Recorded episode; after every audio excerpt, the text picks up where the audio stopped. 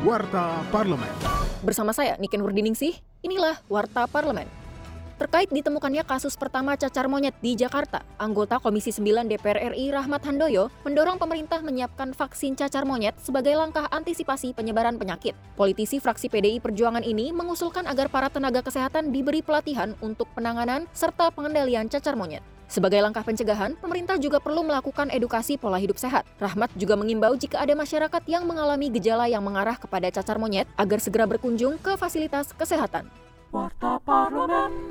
Anggota Komisi 3 DPR RI, Arteria Dahlan, mengkritik Kompolnas dalam pengawasan kinerja Polri. Hal ini disampaikannya dalam rapat dengar pendapat Komisi 3 bersama Kompolnas terkait kasus pembunuhan Brigadir J.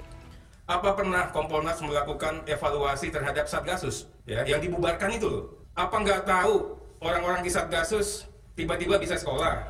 Pas di sekolah nggak pakai sekolah tiba-tiba lulus. Atau yang nggak pernah ikut daftar tiba-tiba masuk di tengah. Setelah masuk dapat jabatan-jabatan strategis. Setelah itu main-main perkara, ada jaga-jaga perkara. Itu kan udah rahasia umum. Ya, pemantauan fungsionalnya mana pengawasannya yang dilakukan oleh Kompolnas ini? Kinerja Wakil Rakyat dapat Anda simak melalui media sosial DPR RI. Anggota Komisi 4 DPR RI Yohanis Franciscus Lema mengapresiasi Kementerian Lingkungan Hidup dan Kehutanan yang telah melakukan pendataan terhadap penggunaan dan pelepasan kawasan hutan. Ia ingin KLHK melakukan tindakan secara cepat dan tegas, serta tidak hanya berhenti pada identifikasi dan pendataan terhadap pelaku perusakan hutan. Legislator asal Dapil Nusa Tenggara Timur II ini mendorong KLHK menindak tegas para pelaku dan pendataan yang sudah dilakukan tidak berhenti pada teguran secara tertulis saja. Televisi Radio.